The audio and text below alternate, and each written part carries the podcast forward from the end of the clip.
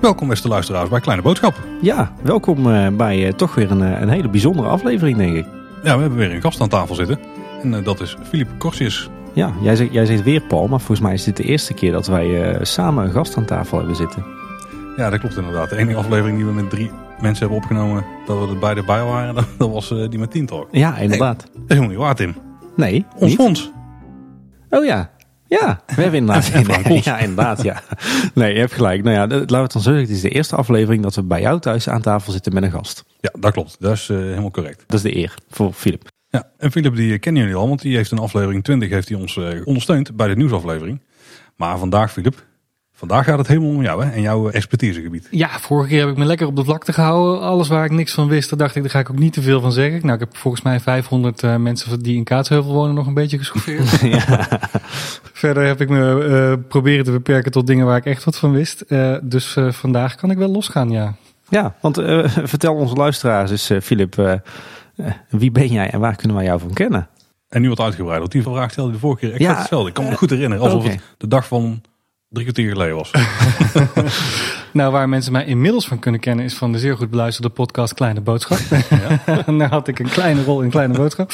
Ehm, ehm, ik ben eh, docent aan de Universiteit Utrecht. En eh, omdat deze aflevering veel later pas op de planning staat, ben ik inmiddels al heel lang docent aan de Universiteit Utrecht. En eh, daarnaast eh, heb ik mijn eigen bedrijf Story Supplies, waarbij ik eh, workshops, lezingen en advies over eh, storytelling aanbied aan bedrijven. En ja, wie maar wil. Oh, Oké. Dus de expert op het gebied van storytelling hebben we tegenover ons zitten. Dat durf ik niet te zeggen, maar ik word steeds minder eh, zenuwachtig als mensen mij expert storytelling noemen. Dus misschien, misschien. Ja. Ja, misschien niet onvermeld laten, je hebt ook een boek geschreven over storytelling. Ja, ben ik helemaal vergeten. Nou, je, bent je bent betere PR voor mij dan, Ja. dan ik zelf eh, doe, dankjewel. Ja, storytelling voor professionals. Ja, ik, heb hem, eh, ik heb hem gekocht.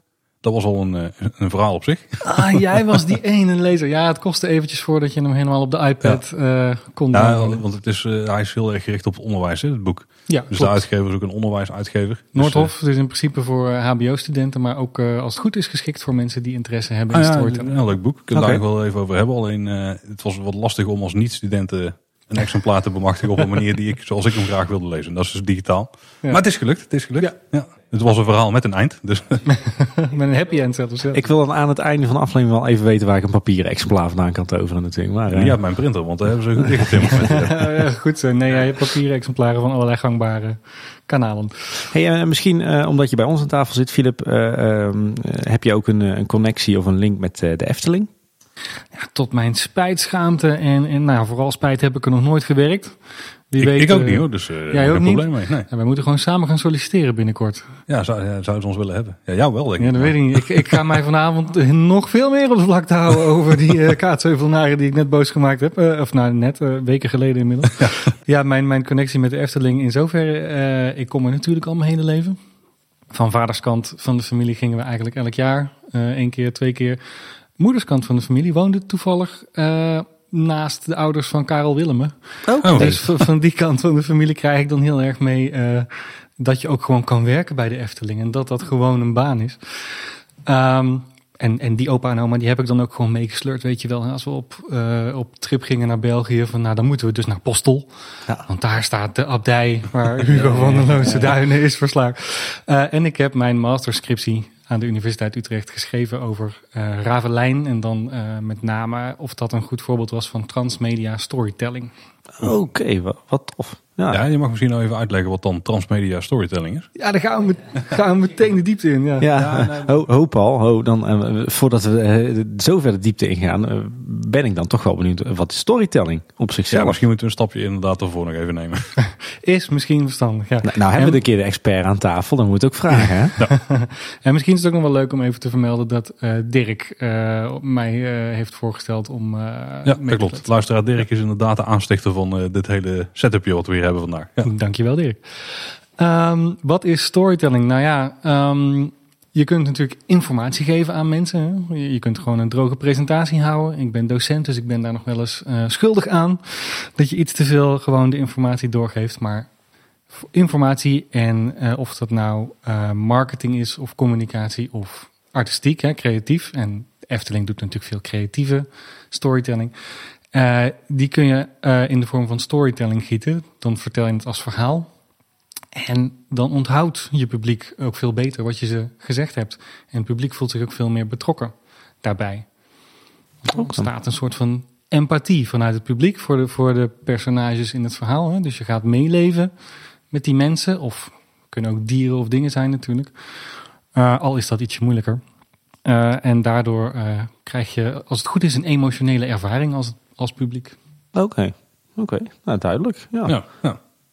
Hey, uh, misschien gek dan, maar, maar hoe ben jij dan uh, in dat vakgebied beland? Hoe, hoe, ben je uiteindelijk expert storytelling geworden? ja, hoe word je dat? Droom, ja, droombaan toch? Expert storytelling. ja, ja. Uh, nou ja, altijd al geïnteresseerd geweest in verhalen. je kunt mij gewoon ook voor de televisie zetten met een Netflix abonnement. Of je kunt mij ergens in een bibliotheek droppen en je kunt me drie weken later ophalen en ik ben helemaal gelukkig. Misschien wat uh, ondervoed, maar uh, ik heb dan lekker verhalen gelezen en gekeken. En hoe je dat dan wordt, nou ja, in mijn geval heb ik uh, mediawetenschappen gestudeerd. En ik wilde graag een scriptie schrijven die iets te maken had met de Efteling. Want volgens mij is de Efteling gewoon een, een instantie die buitengewoon goed is in storytelling. En toen heeft mijn docent eigenlijk, dankjewel Sonja de Leeuw, dank u wel, uh, heeft mij destijds op transmedia storytelling uh, gewezen als mooie casus voor de Efteling. Mag ik het nu nog een keer vragen van jou, Tim? Voor mij mag het. Oké. Okay. Dat is dan uh, transmedia storytelling. Ja, dan gaan we toch transmedia maar eens uitleggen. Ja, transmedia aan mijn studenten leg ik dat altijd graag uit uh, door gewoon te kijken naar het woord. Hè. Ik ga het in tweeën hakken. Trans, als je een transatlantische vlucht hebt, dan ga je over de Atlantische Oceaan. Dus trans is overstijgend. Media, dat spreekt alweer iets meer voor zich. Er zijn verschillende kanalen, hè, boeken, games, films. Dus als je transmedia storytelling doet in plaats van gewone storytelling, dan verspreid je je verhaal dus over meerdere media. Dan snap ik ook waarom Ravelijn een goed onderwerp was daarvoor. Ja. Dat is natuurlijk begonnen bij een boek, of bij een verhaal. Er is een boek van Paul van Loon. Letterlijk een verhaal, ja, storytelling. Ja. Ligt super voor de hand natuurlijk. Ja. het heet inderdaad storytelling en dat is dan nu zo de modeterm. Maar het is natuurlijk gewoon verhalen vertellen. Ja. Uh, dat mag ik tegen jullie toch wel prijsgeven. Ja. Goed, heel, de, heel de basis van, van het studiegebied is nu in één keer gewoon... Ja. Hè? Hang er een mooi woord aan en je kunt erop afstuderen. Ja. Te tegenwoordig moet alles in het Engels. Hè. Het klinkt wel beter in het Engels. Maar, maar Die Efteling. Ja. ja. Nee, maar ik denk inderdaad dat volgens mij Ravelijn er wel een, een, een schoolvoorbeeld van is. Uh, ik weet even niet of het wel of niet geslaagd was. Dat mag jij vertellen, Filip. Maar daar hebben ze in ieder geval een, een, goede poging gedaan, denk ik. Ja, want je hebt in ieder geval dus een boek. Je hebt een tv-serie. Je hebt, uh, ja, misschien mogen die niet meerekenen, maar je hebt merchandising. Ja, wat mij betreft, ja, dat was, wat was grappig genoeg een belangrijk onderdeel van mijn scriptie. Dat het inderdaad, wat mij betreft, juist een heel goed idee is om dat mee te rekenen. Want uh, ja, een beetje saai verhaal misschien, maar transmedia storytelling gaat dan ook weer heel erg over dat je dus niet steeds hetzelfde verhaal vertelt in al die verschillende media. Het is niet dat je een letterlijke boekverfilming maakt, bijvoorbeeld. Okay. He, dus daarin is het boek en de televisieserie en uh, de parkshow zelf van Ravelijn, die liggen vrij dicht bij elkaar. Dus daar zou je zeggen dat is dan misschien niet 100% uh, transmedia storytelling, want het is steeds hetzelfde verhaal. Maar juist die merchandise. Uh, je laat kinderen spelen, je laat ze die uh, vijf helden zijn en de Draconicon en geloof dat de Graffer ook als, als figuurtje mm -hmm. beschikbaar was. dus die kinderen die kunnen die strijd naspelen.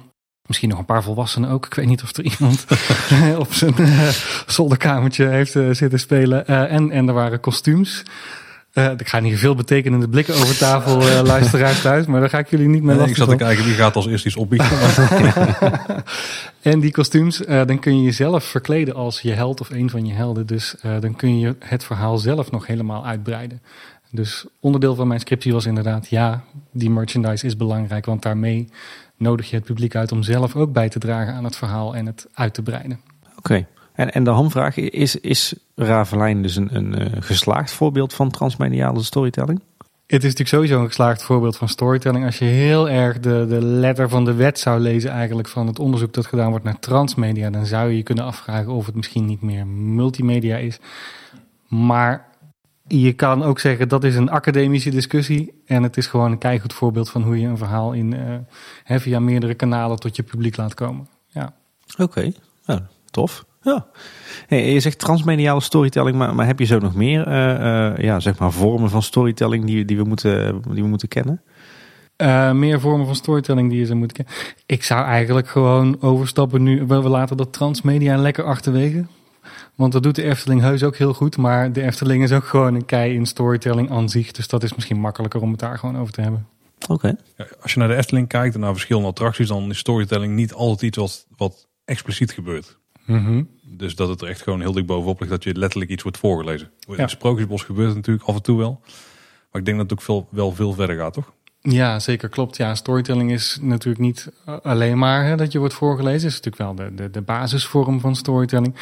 Uh, maar uh, zeker die, die attracties en uh, alle andere vormen die je in de Efteling tegenkomt, die vallen ook onder storytelling. Want je ervaart wel degelijk iets van een, een, een verhaal. Er is wel degelijk iets van een ontwikkeling. Er is ergens een begin en, en dan gebeurt er wat. En dan is er hopelijk wat veranderd en dan is er een einde. Dus dat hoeft niet altijd letterlijk Wieteke van Dort te zijn, al is het een heel prettige manier van storytelling. Uh, uh, een, een achtbaan is in zekere zin ook storytelling. Ja, las ik inderdaad in je boek. Ja, een achtbaan kan ook een verhaal vertellen met het baanverloop op zich al. Ja. Ik, ik weet niet of de Efteling daar het beste voorbeeld van is. Ja, nou, ik kan wel een heel goed voorbeeld verzinnen. Nou ja, ze hebben eigenlijk uh, laatst gezegd dat de Python zelf het verhaal is eigenlijk. Hè? Ja, dus, dat is wel interessant, ja. Want hoe kijk jij er dan tegenaan als, uh, als expert? Uh, ja, goed. Het is een beetje tweeledig. Uh, van de ene kant moet ik natuurlijk bekennen dat mijn handen wel gingen jeuken als ik bij de Efteling had gewerkt. Dan zou ik toch geprobeerd hebben om er iets van een verhaal nog aan te hangen. Maar misschien zou ik het daarmee niet uh, bij het rechte eind gehad hebben. Misschien klopt het gewoon dat de Python het verhaal is. Dat dat een, een goede uh, eerste achtbaan is, waardoor je denkt van, en nou ben ik echt een, een grote jongen of een grote meid, want nou durf ik in een achtbaan. Um, maar los van, van dat verhaal van die bezoeker, ervaar je ook wel een soort van uh, dramatische opbouw, laat ik het zo zeggen, als je in de Python zit. Ja, ja. Ik snap wel wat je bedoelt. Zeker, ja. ja. Dus als je het eigenlijk op die manier bekijkt, van uh, een verhaal pakt jou bij de kladden ergens en mm -hmm. dat leidt jou langs allerlei kronkelwegetjes, of dat nou in woord is, of in beeld, of ja, in beweging. Uh, dan zou je ook prima kunnen zeggen, inderdaad, dat de Python een verhaal is. Ja, dus je zou kunnen zeggen dat ze misschien bewust de wachtrij ja, zeg maar in de baan hebben gelegd. Zodat je die, die karretjes steeds voorbij hoort komen. En dat je dan denkt, oh jee, dan moet ik daar in. Dat dat, dat allemaal onderdeel is van het verhaal waar je... Ja, want dan word je eigenlijk al goed bang gemaakt. Ja. Want het onderdeel van, van de aantrekkingskracht is juist het gegil. en dan inderdaad, ja, ja oké. Okay. En je gaat dan met de lift heel omhoog. En dat is natuurlijk echt het moment van spanningsopbouw. Want dan kun je ook niet meer terug. Point of no return. Ja, ja, ja oh, je hebt heel goed, heel oh, goed ja? het boek gelezen. Ja, ja, ja, point of no return. Ja. Goede voorbereiding, Paul. Ja. nou, eigenlijk had ik die niet direct uit je boek. ik ben niet de eerste die de term gebruikt, nee. Nee, dat, dat denk ik ook niet. Maar nou, op die manier zit er aan het wel in. Kijk, bij de Baron is dan misschien explicieter. Ja, ja. Omdat dat hele verhaal met de, de mijnbouw en de schachten en zo waar je erheen gaat. En, hè, Tuurlijk. Dat is, ja. dat is de klassieke staal met een verhaal. Ja, die is die overal weer. tevoorschijn wordt getoond. Ja. Um, wat zijn andere goede voorbeelden van misschien minder expliciete storytelling binnen de, de Efteling? Nou ja, het valt natuurlijk op dat uh, de Efteling eigenlijk überhaupt aan storytelling doet. Hè? Want ze hadden er ook voor kunnen kiezen om dat niet te doen. Storytelling is heel erg uh, onderdeel van, van de essentie van de Efteling. Ze hadden staal zonder verhaal kunnen, kunnen neerzetten. Ze zijn heel nadrukkelijk een... Uh, Doet het wel iets minder in de marketing, denk ik, die term. Doet maar. het wel iets minder in de staal zonder verhaal. ja, wie weet, zeker na deze podcast zijn mensen helemaal storytelling moe. Dus misschien is nu de, de nieuwe trend staal zonder verhaal. Ik vind dat wel een goed motto voor, uh, voor de hoogovens. Staal zonder verhaal. Ah, ja, even met een verhaal, ja. prima. Goed. Ja, de Efteling uh, refereert eigenlijk vanaf nou ja, het begin. En als we dan het Sprookjesbos als het begin zien, hè, um, refereert aan verhalen, verwijst naar verhalen. Als ik toch terugkom op Wieteke van Dort, die zegt bij Roodkapje op een gegeven moment zelfs letterlijk: Jullie weten allemaal hoe het verhaal ja. verder gaat. Ja. He, dus eigenlijk heb je ook al een soort van voorkennis als ja. publiek. En ik denk dat dat ook wel een realistische inschatting is bij een sprookje als Roodkapje. Dus zij hebben eigenlijk van, van de, de oervorm van verhalen. Want als je tegen je studenten zegt: We doen iets met storytelling, dan is het eerste. Uh, de eerste vier woorden die studenten opschrijven zijn er was eens. Oh, het zijn drie woorden trouwens. Gaat lekker. Uh, er was eens. Ja, de docent weet alles.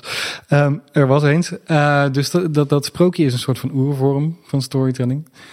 En dat uh, zetten zij vanaf het begin in. En daar hebben zij een heel sprookjesbos van gemaakt. Wat eigenlijk een, een unieke vorm van attractie is. Ja. als je het vergelijkt met andere parken. Ja. Ja, sommige parken hebben net wel pogingen gedaan om iets vergelijkbaars ergens neer te zetten.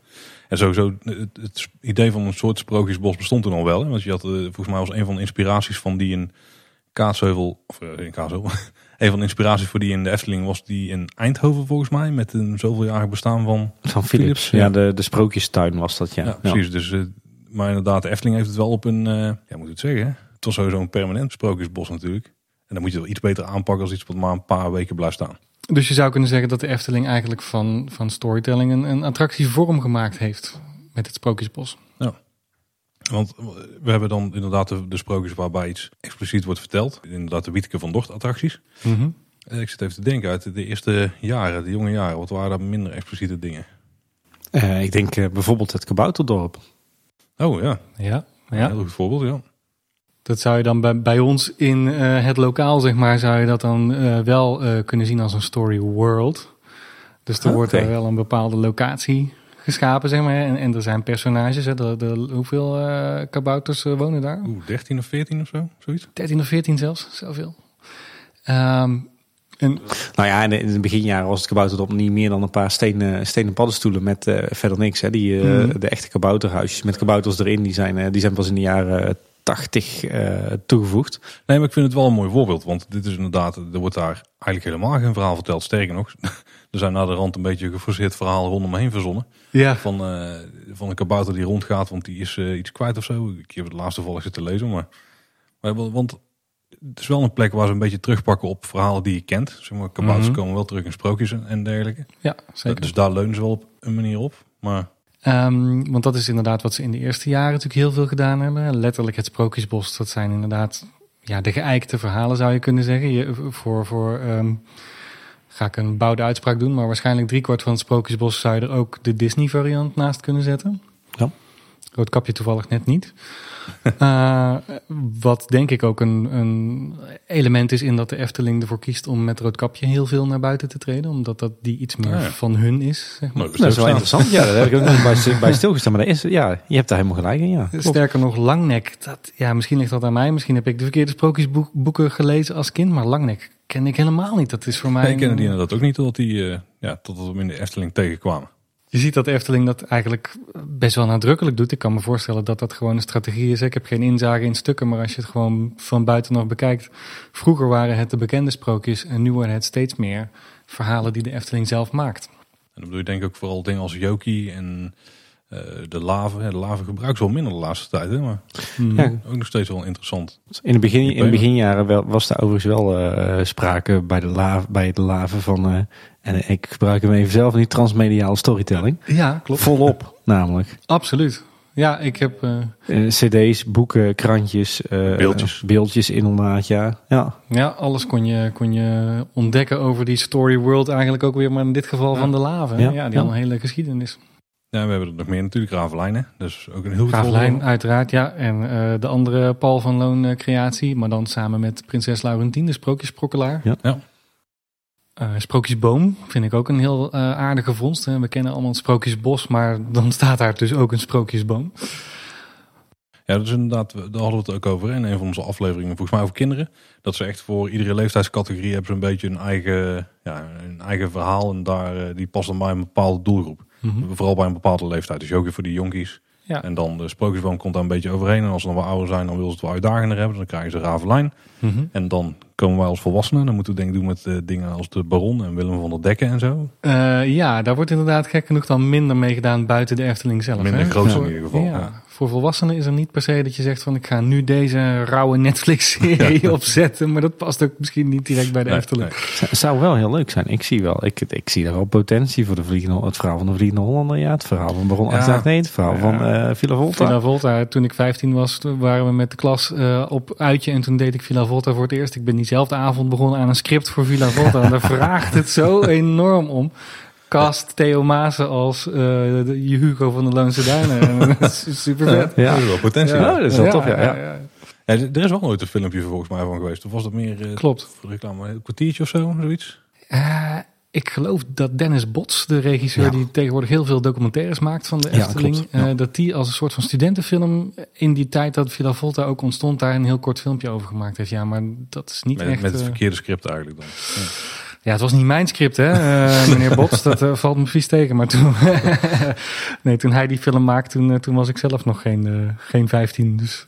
Ja, je ziet wel bij grote andere parken, zeker Disney, die leunt natuurlijk heel veel op hun IP, hè, want dan hebben, daar hebben we het in principe over. Intellectual property. Ja, dus het ja. is verhaal de, ja, die eigendom zijn van iemand. Ja. Dus omschrijft dat dan goed? Ja, zeker. Ja. ja. dus Disney heeft natuurlijk een hele stal van, uh, van karaktersfilms. Uh, inmiddels nu met Marvel en Star Wars erbij en Indiana, en Indiana Jones. Mm -hmm. Ja, dus natuurlijk, uh, die zitten best goed. Maar Universal die kan er ook wel van. Zeker met de deal die ze met J.K. Rowling hebben gesloten voor Harry ja, Potter. super slim. De Wizarding World die ze daar hebben opge, ja, opgebouwd. Dat, zijn, dat is echt wel een super chic themagebied. Hè? Ja, zeker. Dus, Ja, uh, jij, zegt, jij zegt dat nou, Paul, maar ik ben dat eigenlijk niet met jou eens. En ik ben ook wel benieuwd hoe Philip daarover denkt. Ik vind het namelijk helemaal geen luxe positie voor, uh, voor Disney en Universal. Ik vind dat eigenlijk een, een beetje creatieve armoede in, uh, in, in de handwerken. Ah. Nou, ze zetten daar nu... Volgens mij zijn ze op dit moment wel op het punt dat ze daar ook dingen bewust al opzetten op zo'n manier dat ze er uh, pretparkattracties van kunnen maken en zo. Mm. Je ziet wel dat bepaalde films, er lijken wel scènes in te zitten die wel enigszins met een knipoog alvast naar, naar het themapark zijn. Zodat daar een achtbaan van te maken is of zo. Hè. Dan hebben ze weer een goed excuus om, uh, om een achtbaan te gebruiken Ja. bijvoorbeeld. En uh, dus het wordt wel minder lui, maar ik snap wat je bedoelt hoor. Ja, ik vind het de laatste tijd, uh, het laatste decennium zo, uh, zo makkelijk gaan. Met name bij Disney. Hè. Het, het, lijkt wel alsof ze bijna geen eigen verhalen meer uh, verzinnen of bedenken Mhm. voor hun attracties. Of ze zich alleen nog maar baseren op bestaande IP. Maar dan komen we denk ik weer een beetje bij jouw expertise. Want ze doen het natuurlijk om mensen te trekken. En bekende Ja. verhalen, die trekken mensen. En zeker Harry Potter en Star Wars, die doen het heel goed. Ja. eh, En zoiets mist de Efteling natuurlijk, maar... Eh, nou, ze hebben een tijdje geleden hebben ze wat gedaan met eh, eh, Tita Tovenaar. Hè? Dat was dan al, ook al een bekend verhaal. En sprookjes aan zich zijn natuurlijk bekende verhalen. En zelfs bij hun eigen creaties, want je mag de Vliegende Hollander wel eigen creatie noemen, denk ik. Die mythe was wel bekend. Hè? Ja. Of in ieder geval het feit dat er een spookschip was die, dat de Vliegende Hollander heet. Maar je ziet bij de Efteling inderdaad, kan ik wel met Tim meegaan, bijna het tegenovergestelde van bij Disney. Want uh, Disney is inderdaad wel in een hele luxe positie nu dat ze al die, uh, die IP aankopen. Maar bij Disney komt het nu eigenlijk vooral van buitenaf. En dat, dat is ook wel een, een uh, kritiekpunt dat ze krijgen, las ik laatst op internet. Eh, en de Efteling is juist veel meer zelf eigen dingen gaan ontwikkelen. Ja, ja want ze hebben, Pardoes hebben ze natuurlijk laatst flink op de voorgrond weer geschoven. Nadat hij eigenlijk jaren ja, niet, niet misschien de aard gekregen die hij nodig had. Ja, nu met Symbolica moeten ze wel. En doet het ook heel goed. Zeker nu die attractie er is, worden die karakters ook een stuk populairder volgens mij. En dat is trouwens ook een heel sterk voorbeeld van transmedia storytelling. Als je nou echt gaat kijken naar die, die, die harde definitie van oké, okay, het is niet steeds hetzelfde verhaal. In Symbolica maak je een rondje langs uh, het paleis. We worden uitgenodigd. Gaat mis natuurlijk. Um, en jullie hebben het er volgens mij ook wel eens over gehad. Of nu ben ik jullie misschien aan het verwarren met Ochtend in Pretparkland. Dacht dat jullie het waren. Uh, dat uh, Pantagor in die attractie zou moeten zitten, ja of ja, ja, dat ja. was ik. Ja. Dat heb jij, ja, ja, zie je wel. Bedankt voor het compliment trouwens, dat je ons uh, verwacht. met een... het, het was inderdaad logisch geweest misschien om Pantagor er wel in te stoppen. Maar juist omdat ze het niet gedaan hebben, is nu die serie die ze gemaakt hebben... is echt een heel ander ja, hoofdstuk zou je kunnen zeggen uit mm -hmm. het leven van Pardoes. Zo, zo mm -hmm. zou je het kunnen zien. Uh, en daarmee versterken die verschillende media elkaar heel erg. Want je beloont je publiek uh, dat terugkomt. Namelijk, ze krijgen niet hetzelfde verhaal in een andere vorm. Maar ze krijgen eigenlijk meer van, van waar ze interesse in hebben, van waar ze van houden. Namelijk, ze kennen Pardoes al van die 12, 13-delige televisieserie. En hé, hey, nou komt hij ook terug in Symbolica. En dat is weer een hele nieuwe ervaring. Ja. En in Symbolica komt daar zelfs OJ punctueel bij op op een manier die tot dan toe eigenlijk helemaal niet. Uh, hè, Pardoes was de grote naam. Pardoes en Pardijn.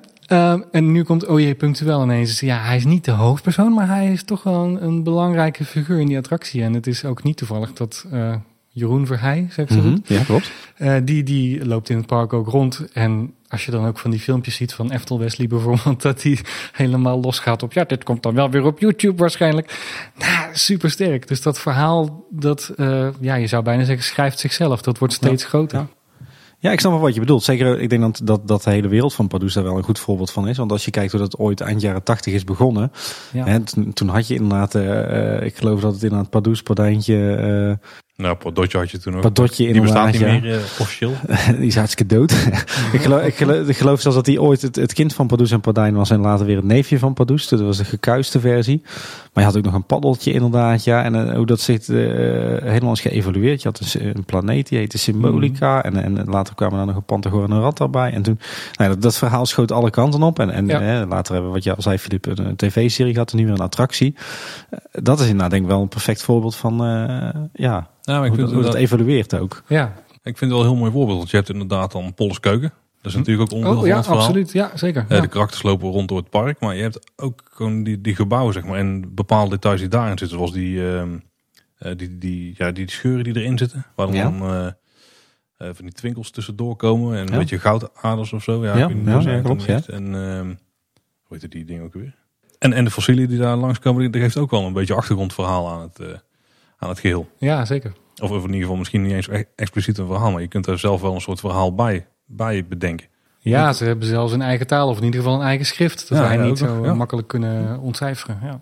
van die details waar je misschien je eigen verhaal bij verzint. Hoe belangrijk zijn die voor, voor het geheel? Want dit, waarschijnlijk zit er wel een verhaal achter, maar dat wordt ons niet verteld. ja, Maar ook een manier waarop ze je toch een beetje geïnteresseerd houden in, eh, in het geheel. Ja, zeker. Eh, bij sommige attracties zie je dat ook heel nadrukkelijk. Hè? Droomvlucht. Ik geloof dat eh, Ton van de Ven ook het, het zegt in een van de making-ofs. Van ja, we hebben hier niet een, een kant-en-klaar verhaal voor je, maar je kunt zelf wegdromen. En dat past natuurlijk heel goed bij het concept droomvlucht. Want dan moet het allemaal niet te, te erg van A naar B zijn en te erg voorgekoud voor je zijn. Dan mag je een beetje vrij associëren. Bij Fata Morgana heb je dat ook nog een beetje. Er, wordt niet echt, er is niet een hoofdpersoon. Er is niet een, een bepaalde strijd die daar gestreden wordt, voor zover wij zeker weten. Eh, maar daar ontstaat ook weer een beetje die story world, zou ik maar zeggen. Net als bij het Lavelaar. Daar is ook niet, eh, daar is zelfs heel nadrukkelijk gekozen bij het Lavelaar, hè, om, er- om er geen conflict eh, in te bouwen. Ja. Want conflict, om dat woord eh, dan maar even, eh, daar even bij stil te staan, is ook een, een essentieel onderdeel vaak van westerse storytelling. Namelijk, onze hoofdpersoon wil iets en er staat hem of haar iets in de weg. En eh, dan, dan gaat die persoon dat proberen te bereiken. En als het lukt, heeft het verhaal een happy end. En als het niet lukt, dan heb je een tragedie zitten kijken of, of luisteren. Ja, dat is inderdaad wel heel herkenbaar. Ik zit even terug te denken aan de boeken die ik heb gelezen, de, de, de tv-series en films die ik heb gezien en, en de andere attracties inderdaad. Daar zit er bijna altijd wel zo'n conflict in, ja. Ja, en, Ja. en bij eh, Joris en de Draak bijvoorbeeld, ja, dat, dat is op zich niet super verhalende eh, achtbaan, maar eh, je bent twee teams, je bent water of je bent vuur. En daarom voelt het ook zo irritant als jij als laatste binnenkomt, want dan heb jij het conflict dus niet gewonnen en Ja, die anderen ja, hebben het gewonnen. Ja, grappig. Ik stond er niet bij stil dat je op zoveel manieren story- storytelling tegenkomt in, eh, in, in de Efteling inderdaad. Ja, Ja, ik, ik weet dus bij Disney vaak beginnen met een verhaal. En dan daar hangen ze eigenlijk alle designkeuzes aan vast. Mhm. Ik neem aan dat ze bij de Efteling ook zoiets doen. En als je op die manier naar attracties kijkt, eh, we, weten, we weten dus niet expliciet een verhaal erachter misschien, maar wat zijn echt hele goede voorbeelden waarvan, ze, waarvan je echt voelt dat er heel veel meer achter zit, wat dat je misschien niet meteen meekrijgt. Of in het algemeen misschien gewoon hele goede voorbeelden van storytelling. Zijn ook wel interessant, die de Efteling toepast. Toen ze de Piranha laatst eh, helemaal aangepast hebben, toen hebben ze er eigenlijk bijna, zou ik durven zeggen, verhalende elementen ingefietst. Eh, want toen zijn er ineens van die afgodsbeelden bijgekomen. En, Ja. en daar ontstaat ook weer een beetje hè, conflict van. eh, ben je de goden, hoe zeg je dat, welgevallig of zo? Of moet je jou hebben? Ja, of moeten ze jou hebben. En daar heeft de andere bezoeker die aan de, aan de eh, gaander staat, die staat te kijken, die heeft er ook nog invloed op eh, in sommige gevallen. Eh, dus dan staat er ook nog een soort van conflictje met je medebezoekers. Het, storytelling is natuurlijk ook een soort van, je hebt daar extreme in. Hè? Je hebt aan de ene kant heb je helemaal geen storytelling.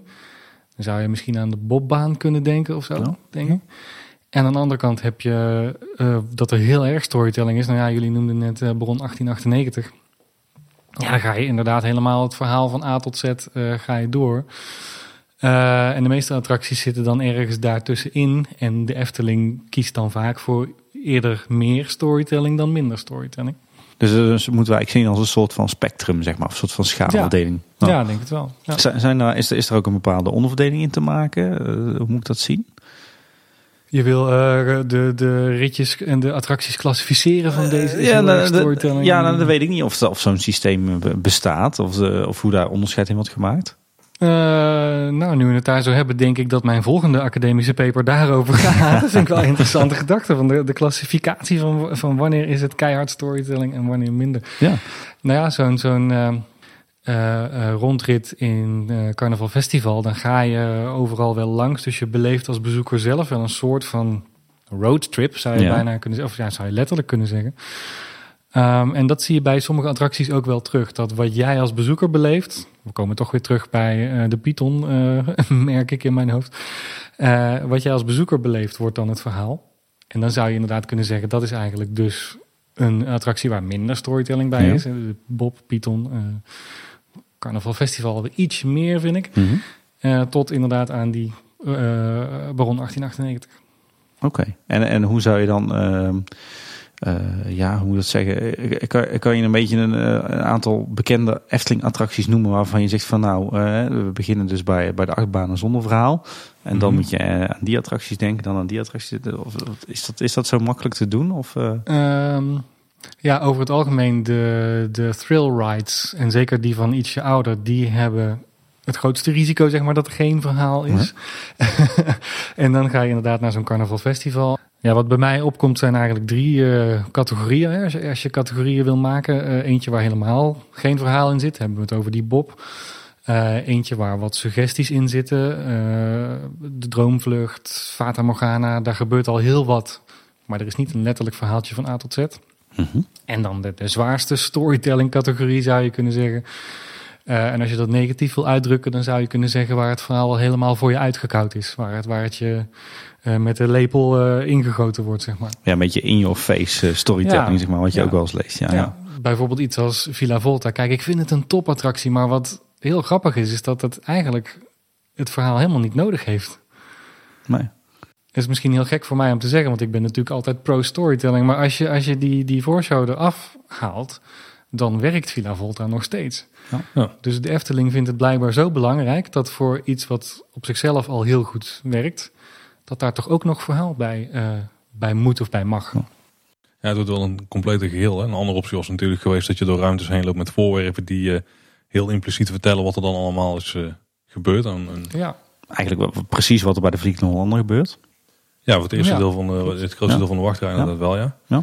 En maar dit is inderdaad de andere optie. Ja, het is ook een andere tijd. Hè. Ik weet niet in hoeverre ze toen op die manier over nadachten. ja waarschijnlijk speelt dat ook mee. Soms dan zie je dat ze heel erg de tijd vooruit zijn. Het Lavelaar is eigenlijk super interessant om te vergelijken met Ja. nou ja, wat eh, Universal aan het doen is met Harry Potter. Eigenlijk is het Lavelaar ook een soort van, van Harry Potter gebied. Het is een Ja. afgesloten eh, stuk themapark met zijn eigen verhaal, zijn eigen personages, identiteit, eigen dingen die je daar kan beleven. Ja, heel veel details. Ja. Ja. Ja, met een hele backstory, zoals we dat dan noemen, of gewoon achtergrondverhaal.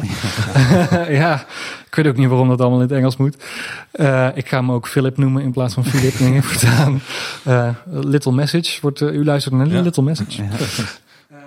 En, en eh, vaak doet de Efteling daar dan eigenlijk een schepje bovenop. Hè? Want eh, vanochtend heb ik nog terug zitten luisteren naar eh, grootmeester Lavi, die ons door het Lavelaar Ja. leidt. Mooi. Ja. Ook dat is weer een voorbeeld van het hoeft niet, maar het is wel hartstikke leuk dat de Efteling het doet. ja. Maar ja, dan zou je in het Lavelaar eigenlijk ergens tussen zeg maar, die, die, die impliciete storytelling hè, van een droomvlucht en een Fata Morgana, hè, van het scheppen van een wereld, en, en meer de in-your-face storytelling kunnen scharen, zeg maar.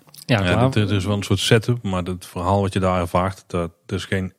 Op sommige plekken krijg je het in your face. Dus als je de, de audiotour doet en of als Ja. je in het, eh, in het loerhuis eh, gaat kijken naar het Mhm. verhaal. Ja. Maar in feite, als je een beetje door het dorpje dwaalt, dan.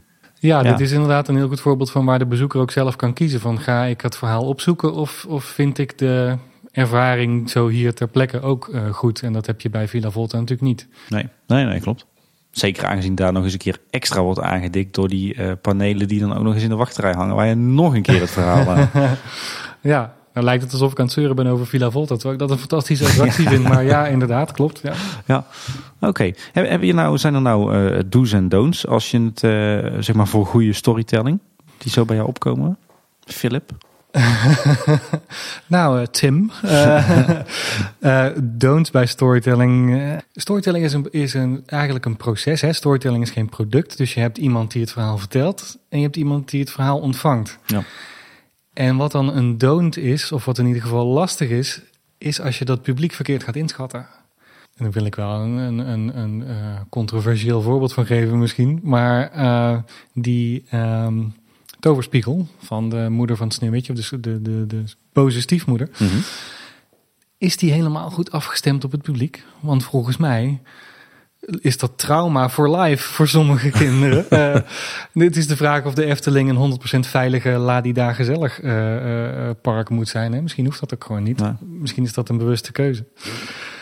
Dus dus een, een don't zou het maar. En ik zeg niet dat die, die spiegel per se een don't is, dat ze daar een grens over gaan, dat niet. Maar ehm, je moet wel rekening houden met je publiek. Eh, en dat merk je dan bijvoorbeeld ook aan zo'n recente discussie van eh, Monsieur Cannibal en eh Carnaval Festival. Ja, sommige mensen nemen toch aanstoot aan hoe het daar gepresenteerd wordt. Ja. En dan moet je de afweging maken van hoe ga je daarmee om. Nou, oké, ja, interessant. Ja. Ja. Nog meer don'ts die, die zo bij je binnenvallen? Nog meer don't. Nou ja, ik heb nog één puntje om te zeuren. Sorry, Efteling.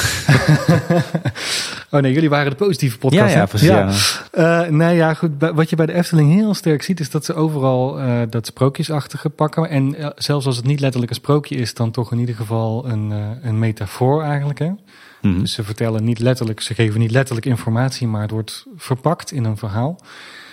En daar gaat Sorry Pandadroom toch een klein beetje de mist in, omdat daar eigenlijk bijna documentaire-achtig getoond wordt, terwijl in de rest van de Efteling er helemaal geen documentaire-achtige sfeer is. Ja. Daar is altijd het, het verhaal een beetje sprookjesachtig, een beetje eh, legende, mythe. Eh, dus misschien dat dat ook een verklaring is waarom die pandadroom minder populair is Ja. gebleken in de afgelopen 15 jaar. Het zal niet helpen inderdaad, nee. Overigens, als je hem in Wildlands Emmen neer zou zetten, zou het natuurlijk weer een killer attractie zijn. Want, Ja. eh, en het past ergens Ja. wel weer heel goed bij de boodschap van de Efteling. Ja. Ja. Zo had ik er nooit naar gekeken, Nee. maar eh, hij zakt nog verder in aanzien. Hey, maar even terug naar die, die positieve grondhouding dan van onze Ja. podcast. Ja. Eh, Heb je, heb je nou, eh, wat, wat zijn de do's? Wat zijn de, de tips voor goede storytelling? Ja, do's. Ehm, ik heb een heel eh, simpele formule. En misschien is die te simpel, maar simpel slaat aan. Ehm, ik zou zeggen, hou je aan de drie V's. En dat is verleiden, verwachtingen inlossen en ook verrassen. En dat is ook weer vanuit die relatie tussen maker en publiek gedacht. Hè? Je moet eerst iemand verleiden om jouw verhaal te gaan volgen, om zeg maar in te stappen in je verhaal. En dat zou bij, bij eh, de Python het geval kunnen zijn als je inderdaad dat ratelen hoort en, en die gillen. Dan word je benieuwd. Dan denk je van, oh, dit is spannend. Ga ik dit durven, ja of nee? Daar word je als bezoeker verleid. Dan ga je aan de verwachtingen voldoen. Als je bij eh, Droomvlucht binnenstapt met het idee dat je een eh, spookhuis gaat krijgen, dan gaat Droomvlucht jou niet brengen wat je zoekt. Nee. En dan Ja. gaat Droomvlucht tegenvallen, terwijl het een briljante attractie is. Dus je moet wel op een of andere manier ook een soort van verwachtingsmanagement gaan doen. Hè? Van, eh, we hebben hier het spookslot, dus wordt het ook een beetje een enge ervaring. Kun je niet heel al te gezellig komisch eh, gaan doen. Hm. En wat mij betreft moet je dan ook altijd eigenlijk je publiek verrassen. Want als je alleen maar 100% krijgt wat je verwachtte, dan is het ook geen echte bevredigende, interessante ervaring. Dan denk je van ja, oké, dit had ik zien aankomen, leuk. Maar dan word je niet omvergeblazen. Ja, oftewel, je, je moet eigenlijk de lat hoger leggen dan, dan, dan, dan wat je bezoekers eigenlijk van je willen. Ja, inderdaad. Ja. Oh. Nou, ik Oh, denk dat zo'n, de, de fabel, het fabeldier, hè, onze, De, wat was het ook weer? De grote boze visstick? ja, maar, dat was wel, maar dat was wel een van de meest verrassende dingen, vond ik, binnen Symbolica. Ja. Dat was, ja, eh, absoluut. Ja. dat was wel het punt dat ik mee naar buiten kwam van, oh, zo ja. Had ik eh, niet bij stilgestaan dat Nee. zoiets ook mogelijk was. Ja. Wel heel tof. Ja. Ik vond het, jouw voorbeeld van eh, Spookslot wel mooi, want ik hoor heel veel van buitenlandse bezoekers, die kennen enge attracties, zeg maar. En die kennen Mhm. spookslotachtige dingen en die zien die attractie en die denken vaak dat het een dark ride is. ja, Zoals Disney ze maakt. Of, eh, Ja. of, of juist een walkthrough zoals ze bij Halloween of van die horror nights Ja. wel eens zijn. Dus daar worden die verwachtingen niet ingelost. Maar dat kunnen we ze niet kwalijk nemen, de. Wij weten niet beter als Nederlanders. Voor ons is het juist heel vreemd als iets in één keer een dark ride is. Maar is een enge dark ride.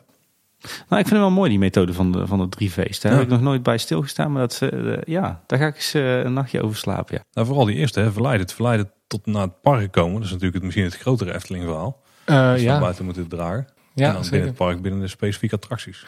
Ja, en dat is ook wat Bart de Boer eh, op een gegeven moment gezegd heeft. eh, toen ik die scriptie van Ravelijn druk aan het pennen was, toen had hij een schitterende uitspraak gedaan. Hij zegt van ja, waarom doen wij nou eigenlijk aan storytelling ook buiten het park?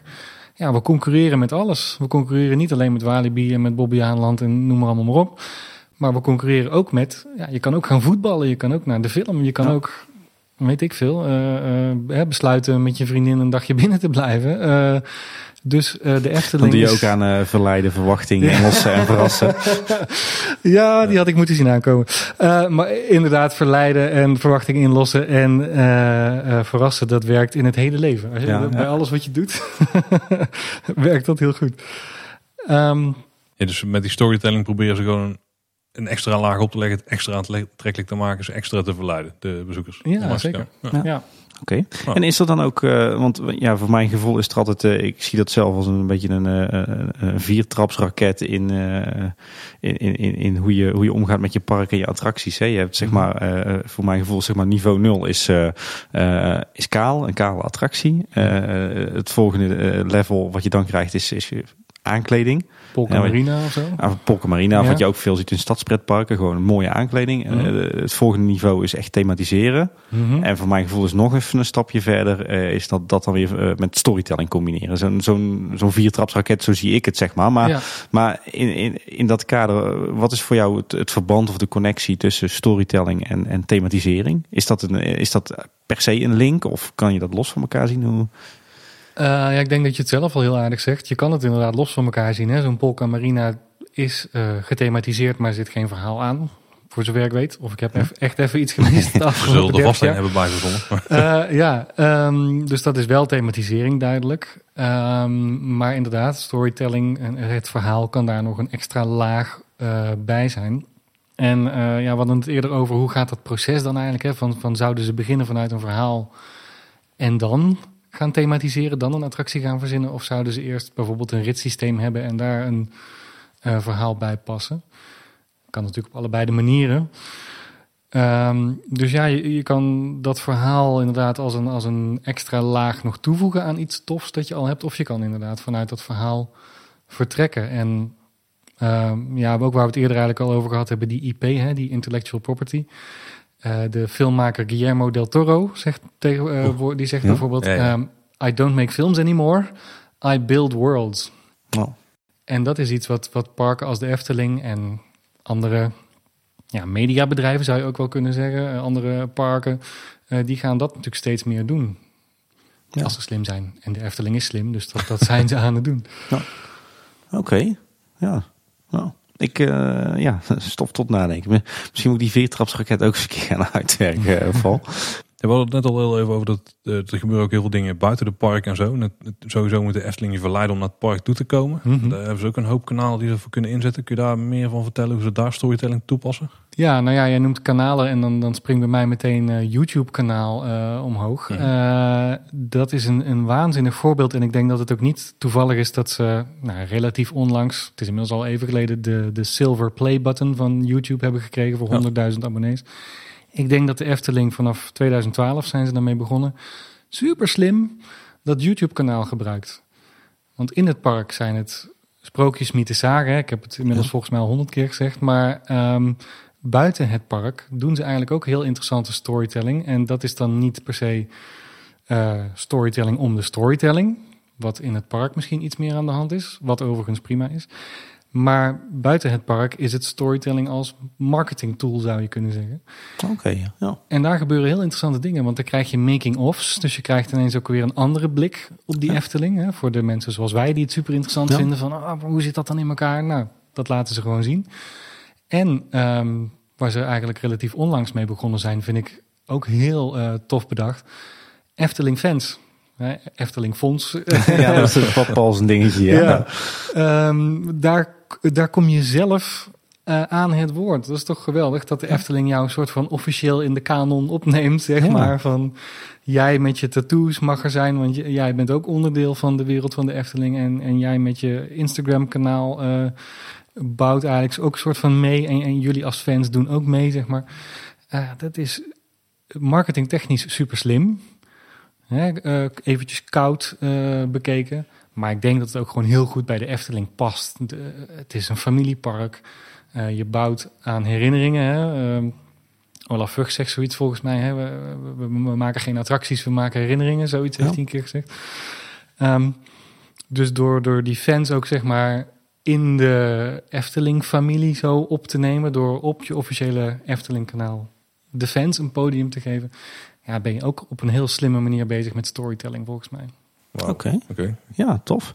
Over, eh, over eh, Olaf Vught eh, gesproken. Eh, toevallig geweest een eh, goede vriend van mij daarop. Eh, die, die zei, eh, Olaf had het laatst over story hosting. Dat was voor hem nieuw, Ja. voor mij ook.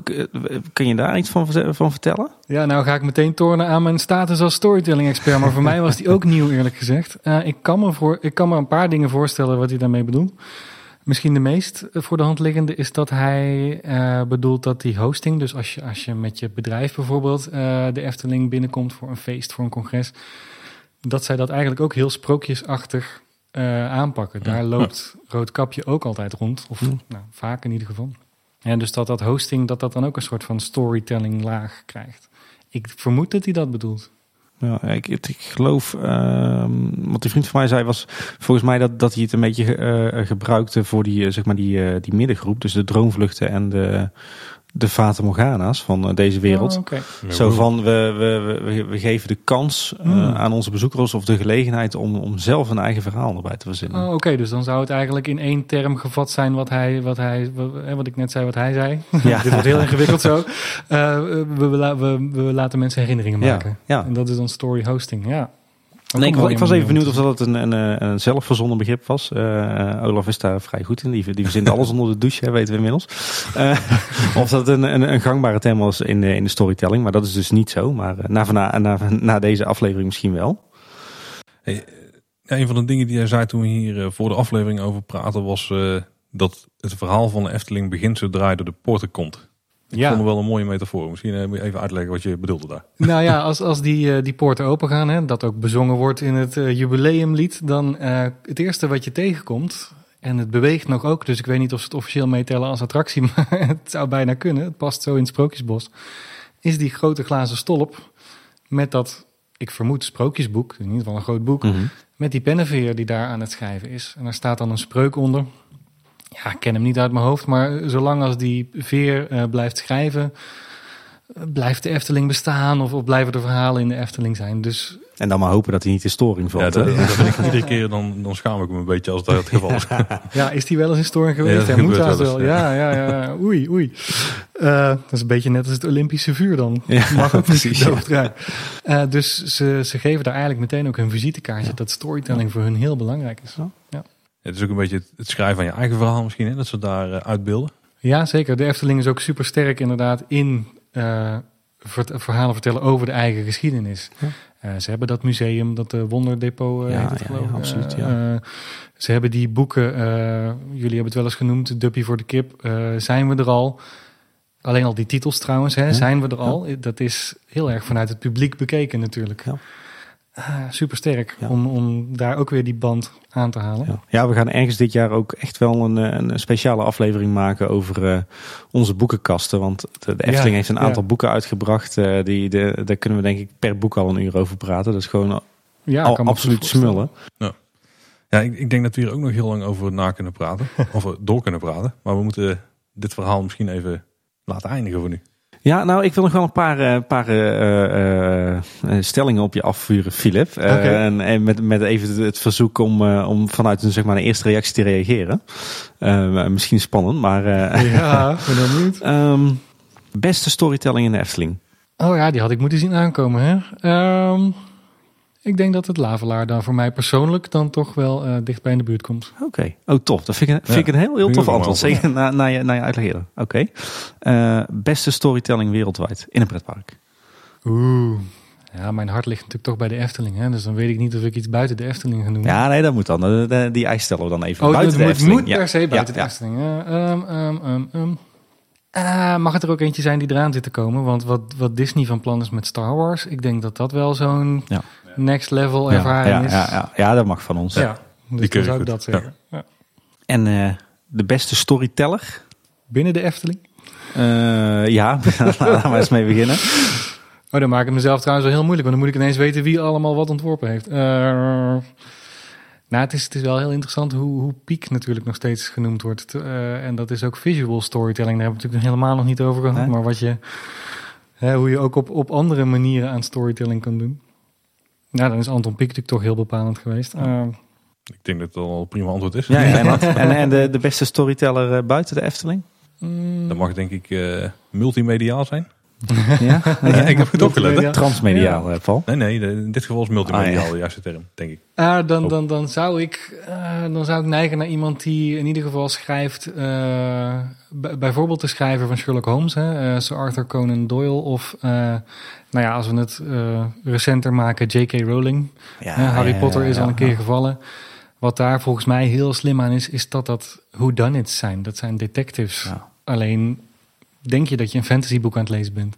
He, dus uh, de allerbeste storyteller ever in de hele wereld. En ik weet niet wie hij of zij is, want dat is niet bewaard gebleven. Maar is degene die het idee detective heeft uitgevonden. Ja. Want dat is wel zo'n keisterke vorm van ja. verhalen vertellen. Ja, geweldig. Ja, uh, leuk dat je, dat je zo spontaan antwoordt, Philip. want dit was even voor onze luisteraars. Dit was niet voorbereid en dit stond ook niet in ons uh, draaiboek. Dus, dus hartstikke leuk. Ja.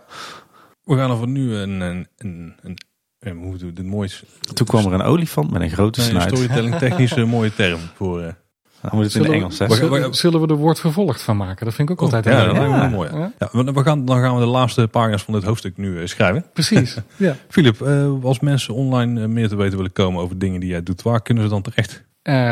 ik zou ze willen sturen naar storysupplies.nl. En voor dingen die ik doe buiten dat bedrijfje zou ik zeggen philipcorsius.wordpress.com. Kijk, die, uh, die link zullen we ook opnemen in de show notes. Oh. Uh, wat ik nog even, ik wil jou, jouw boek nog even pluggen. Speciaal voor jou, want daar ben ik goed in blijkbaar. Ja, dankjewel. Uh, je kunt daar een preview van downloaden. Volgens mij ook via een van jouw sites kun je daar een, een hoofdstuk 1 van downloaden. Hoofdstuk ja, 2 is overigens wel wat echt losgaat. Ja, klopt. Er staan heel veel, heel veel tips en heel veel voorbeelden in. Vind ik zelf heel tof. Uit de moderne films, boeken, maar ook games. Of over bekende mensen. En dan echt bekende mensen. Dus niet van die mensen die al die, die klassiek bekend zijn, maar gewoon mensen die wij allemaal kennen. En pretpark natuurlijk. En het, uh, het mooiste paragraafje. En toen was het uh, boek voor mij meteen uh, al zijn geld waard. Er werd in één paragraaf, werden Memento, Sherlock en Batman Arkham Asylum, de game, die werden genoemd. toen dacht ik, dit is echt, echt een boekje voor mij. Ja, ik ben alweer afgehaakt, hè, Paul. Memento niet gezien, Tim? Nee. Oh, dat is echt een mooie film. Dat is echt, moet je checken. En Sherlock sowieso, die serie is echt geniaal. Ik vind het heel leuk om te horen, dankjewel. Uh, ja, wil je nog meer van ons weten? Ja, dan weet je ons te vinden, hè? kleineboodschap.com. Ja, nou ja, ik ben vooral wel benieuwd. We hebben het al een keer gedaan uh, na onze, onze fotografie-aflevering. Maar ik ben vooral ook benieuwd of uh, sowieso wat onze luisteraars vonden van, van deze aflevering. Wat jullie vinden van storytelling.